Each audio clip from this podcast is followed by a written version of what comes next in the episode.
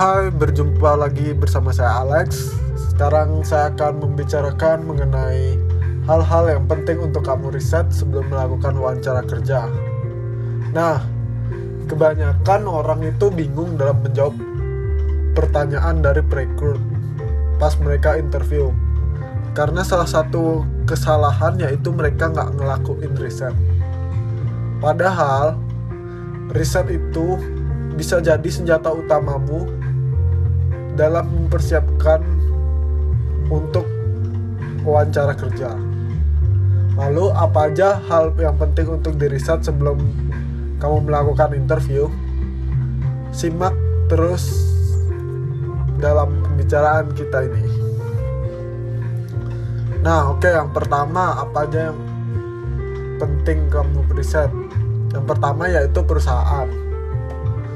Nah, kamu bisa tuh cari tahu gimana nilai-nilai dari perusahaan tersebut ataupun perusahaan tersebut itu bergerak di bidang apa. Nah, hal ini bisa membantumu dalam wawancara kalau misalnya ditanya tentang pengetahuanmu mengenai perusahaan tersebut. Nah, terus gimana caranya yang tepat untuk mengetahui nilai-nilai atau bisnis dari perusahaan tersebut? Gampang. Sekarang kan udah era modern. Kau bisa cari dari website perusahaannya atau dari sosial medianya mungkin. Nah, di sana kau bisa menggali lebih mengenai informasi-informasi dari perusahaan tersebut. Contohnya budaya perusahaan tersebut, nilainya dan lain-lain. Nah, dari sini nih kamu juga bisa me, istilahnya apa ya? membuat dirimu seakan-akan masuk dalam nilai-nilai perusahaan tersebut. Ya, berintegrasi lah modelnya. Nah, yang kedua, apa yang bisa kamu riset yaitu mengenai posisi pekerjaan. Selain dari segi perusahaan, Hal penting lainnya yang harus kamu riset sebelum interview adalah posisi pekerjaan yang akan dilamar. Nah, contohnya, kamu lagi akan melamar di perusahaan A. Nah, kamu lamar itu contoh aja sebagai content writer. Nah, sebagai content writer itu, kamu mesti cari tahu mengenai posisi content writer tersebut. Mulai dari uh, deskripsi pekerjaannya atau rata-rata gajinya dan lain-lain lah pokoknya. Nah biasanya perusahaan perusahaan perusahaan tersebut atau perusahaan yang menca memasang lowongan udah memberikan deskripsi pekerjaannya saat memberikan lowongan pekerjaan entah itu dari sosial media atau dari website uh, pencari kerja. Nah dari sana kau bisa riset terlebih dahulu satu persatu apa aja yang akan dikerjain. Hal ini dilakuin supaya kamu nggak bingung ketika ditanya mengenai posisi pekerjaan oleh perekrut. Oke? Yang pertama kita udah berbicara tentang perusahaan, yang kedua posisi pekerjaan, selanjutnya yang ketiga adalah interviewer. Nah, saat melakukan riset perusahaan, penting juga untuk mengetahui siapa interview interviewer atau perekrut yang akan mewawancaraimu. Nah, biasanya dalam undangan panggilan interview, perusahaan setidaknya ada menyertakan nama pewawancara biar kamu mudah untuk menemuinya nanti. Nah, mumpung kamu belum mulai bekerja, kau kan pasti punya waktu banyak. Nah, waktu banyak itu kau bisa manfaatkan sebaik mungkin untuk menggali lebih lagi tentang informasi mengenai interviewer tersebut. Contohnya kau bisa cari tahu ia berumur berapa atau posisinya apa sekarang dan informasi-informasi lainnya. Kenapa penting?